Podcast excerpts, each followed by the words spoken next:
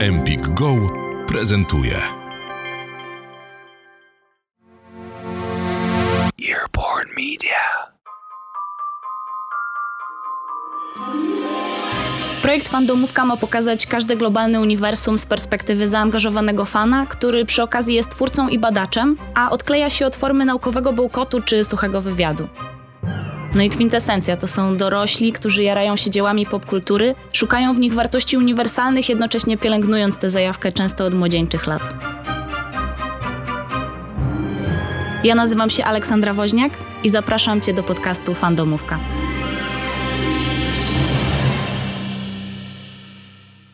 Witam wszystkich na Fandomówce. Domówce dla fanów, na którą dziś zaprosiłam mieszkańca kontynentu, a że w Nowigradzie są już nadajniki internetowe wiadomej sieci, to porozmawiamy sobie na odległość, a będziemy gadać o Wiedźminie, Andrzeju Sapkowskim oraz larpach. Drodzy fani, moim i waszym gościem będzie dzisiaj Dustin Wawrzyniak, współzałożyciel agencji eventowej Pięć Żywiołów, działacz i pasjonat. Jego praca w agencji polega głównie na kontaktowaniu się z klientami, wdrażaniu nowych scenariuszy do larpów, koordynacji tych eventów i trzymaniem pieczy nad sklepem internetowym, w którym mogą zaopatrywać się te osoby, które chcą dopiero skompletować swój strój na larpa.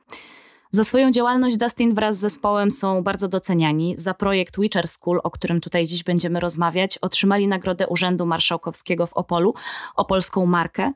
Na swoim koncie ma również Śląkwę, nagrodę od najdłużej działającego klubu fantastyki. Dustin był też kilkukrotnie nominowany z bratem do tytułu Człowieka Roku w ramach konkursu Nowej Trybuny Opolskiej czy Tygodnika Prudnickiego. Także moim rozmówcą jest wielki celebryta w świecie fandomowym i jest to najbardziej odpowiednia osoba do tego, żeby wytłumaczyć mi, czym są larpy wiedźmińskie. Witaj, Dustinie. Mm, witam, witam ciebie, witam wszystkich radiosłuchaczy. No, celebryta to trochę za mocno powiedziane, nie uważam się za, za tego typu osobę.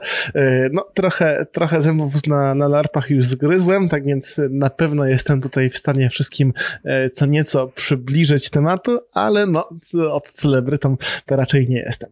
Oj tam, nie bądź taki skromny, jak mówiłam moim znajomym, którzy trochę siedzą w tej fanowskiej branży, z kim będę dzisiaj rozmawiać, to wszyscy wiedzieli, o kim mowa. No jednak e, społeczność larpowa jest grupą dość mocno hermetyczną, tak więc akurat no ciężko jest też nie znać e, nas jako pięć żywiołów, jeżeli jednak robimy jedne z najbardziej rozpoznawalnych larpów e, w Polsce, tudzież, tudzież też tych, które są znane na świecie.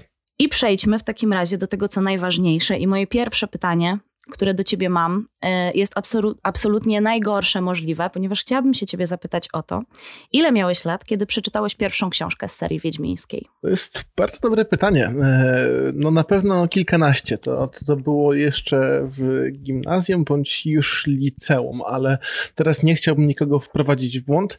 E, no na pewno, na pewno to było gimnazjum bądź liceum. Czyli dość późno. Dość późno, no i co gorzej wtedy aż tak bardzo nie wsiąknąłem, ponieważ też interesowałem się wtedy na przykład e, światem Władcy Pierścieni i gdzieś e, po tym pierwszym tomie e, zostawiłem tą lekturę na jakiś dłuższy czas i dopiero później do niej ostatecznie wróciłem. Tak więc tutaj też tak no, można, mogę się do tego nieśmiało przyznać, ale, ale w tym momencie akurat mojego życia gdzieś coś innego mnie po prostu bardziej zafascynowało i, i wtedy ten świat Władcy Pierścieni, czy nawet świat Warhammera, o którym dowiedzieliśmy się właśnie w okolicach, jak byliśmy właśnie młodzi w gimnazjum, wtedy zaczęliśmy też grywać te wszystkie sesje RPG, no to wtedy to nas bardzo mocno pochłonęło. I tak, to w takim razie na pewno było gimnazjum, bo wtedy też zaczęliśmy grywać sesje e, i, i tak się zaczęła cała nasza przygoda. A co cię w takim razie skłoniło do tego, żeby jednak wrócić do świata wiedźmińskiego? E, no, jest to jedna z najlepszych e, powieści fantazy tak naprawdę, bo jednak mamy kilku różnych e, twórców na świecie, którzy piszą dobrą literaturę fantazy. No, Wiedźmin jest nasz polski i, jest czymś kultowym, tak więc jakby no, nie, nie wyobrażam sobie nie znać czegoś takiego. Całą lekturę sobie też jeszcze odświeżałem dość mocno, nawet kilkukrotnie po tym, jak zaczęliśmy, pod tym i przed tym, jak zaczęliśmy organizować nasze szkolenia wiedźmińskie.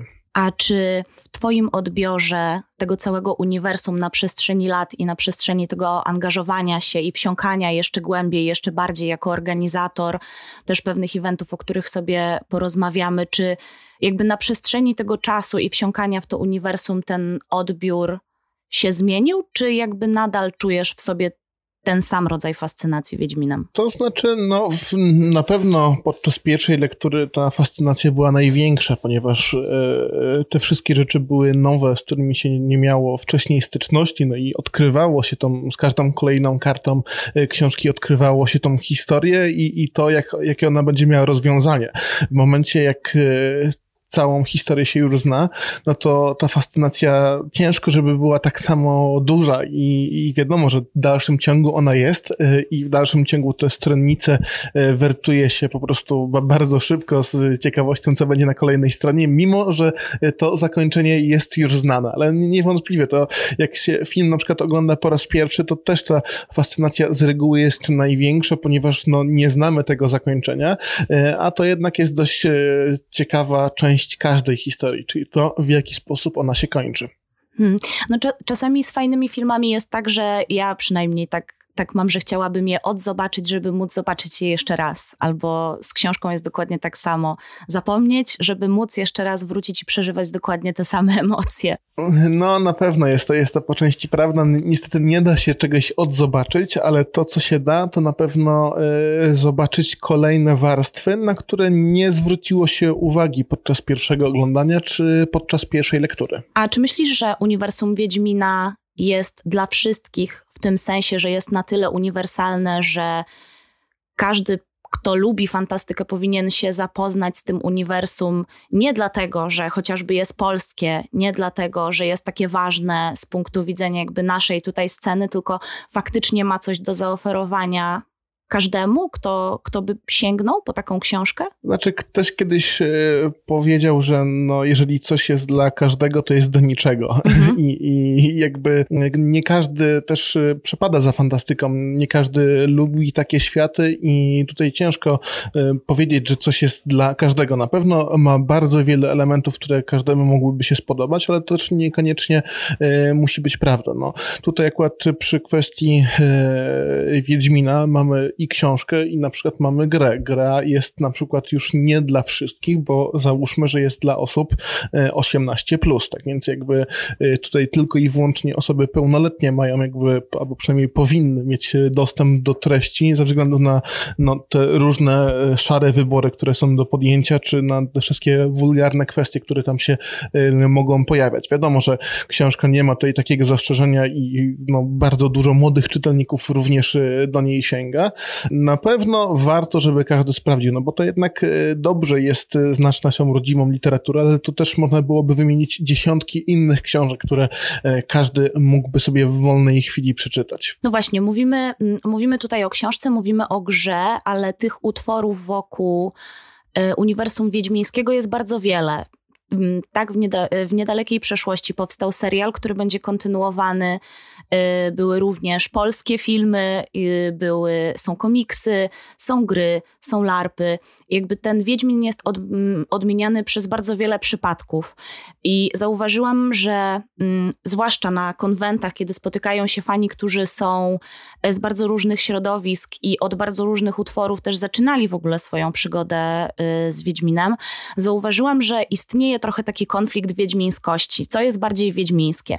Czy gra, którą stworzył CD Projekt Red, czy może jednak y, książki, czy może jednak y, serial Netflixa z zeszłego roku.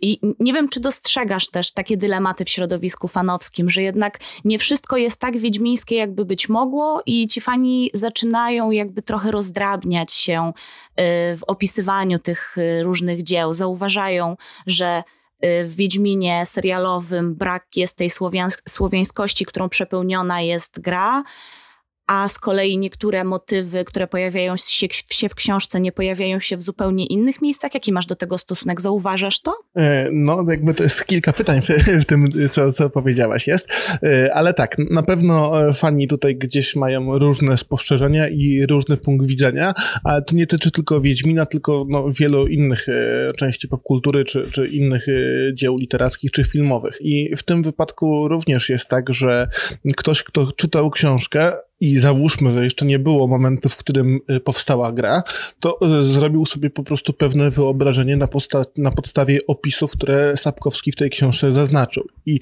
były osoby, które zaczęły grać w grę i na przykład nie zgadzały się, nie wiem, załóżmy z widokiem y, Tris Merigold, która w, w grze miała po prostu wyeksponowany dekolt, a według fabuły książki, no jednak unikała tego, miała go schowanego ze względu na poparzenia na skutek bitwy na wzgórzu Sodan. I to są takie małe detale, gdzie po prostu ktoś sobie zrobił wyobrażenie i później to wyobrażenie zostało zburzone przez to, co zobaczył w serialu czy w grze.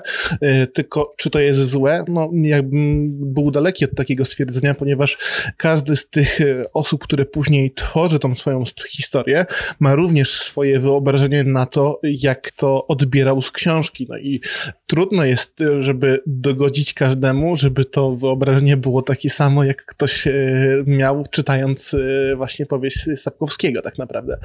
E, no i nie, nie sposób się nie zgodzić, że tak, że jest tutaj konflikt fanów, że są osoby, które uważają, że serial Wiedźmina jest bardzo mało słowiański, że są tam rzeczy, które dość mocno odbiegają od książek, ale to jest też no, kolejny twór, który cechuje się swoim własnym za założeniem.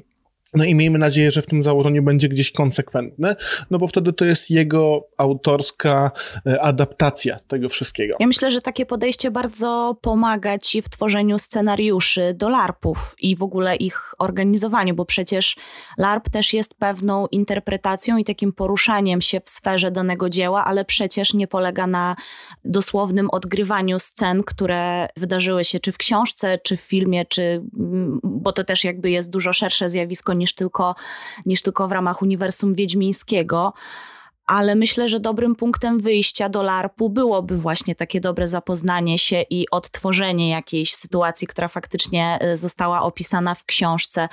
Jak zaczynałeś w ogóle pracę i jakby myślenie trochę o takim scenariuszu do LARPa w kontekście właśnie tego, o czym mówimy, tego interpretowania środowiska wiedźmińskiego? To może tutaj warto zaznaczyć, że fabuła e, naszego sztandarowego projektu, którym jest Szkoła Wiedźminów, odbywa się 200 lat przed wydarzeniami z książki, ponieważ jest to opowieść o Szkole Wiedźminów, a raczej o tym, jak ta Szkoła Wiedźminów dąży do zagłady, to wybraliśmy okres, w którym e, to Wiedźmin ten wiedźmiński cech był w rozkwicie, w którym tych wiedźminów było bardzo dużo, a nie jak w, w książkach Sapkowskiego, że jeden bądź kilku wiedźminów ostało się na świecie. To też nam dało możliwość założenia kilku szkół wiedźmińskich, w których e, akcja naszego larpa się toczy i daje nam to też bardzo dużą swobodę nie tyle co interpretacji książek, co stworzenia naszej własnej historii i jakby po części uzupełniania, co w tej książce mogłoby się tak naprawdę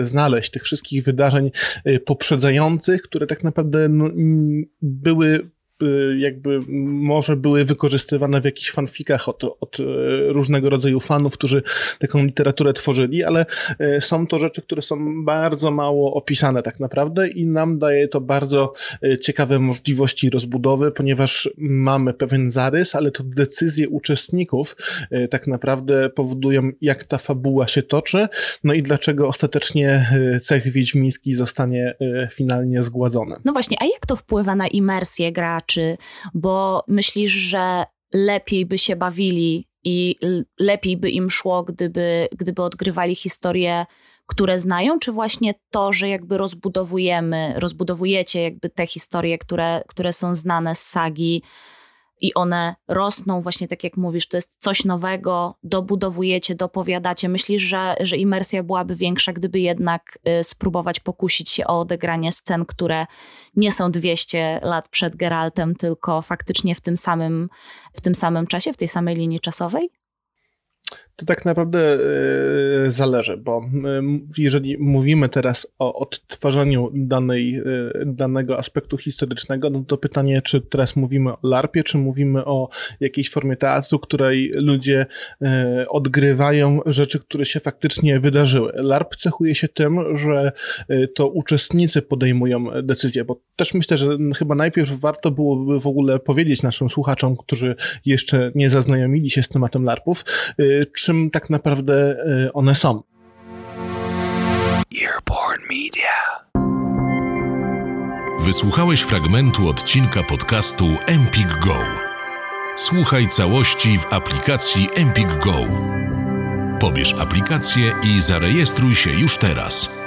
Wybieraj spośród tysięcy audiobooków, e-booków, audioseriali i podcastów. Masz 7 dni za darmo.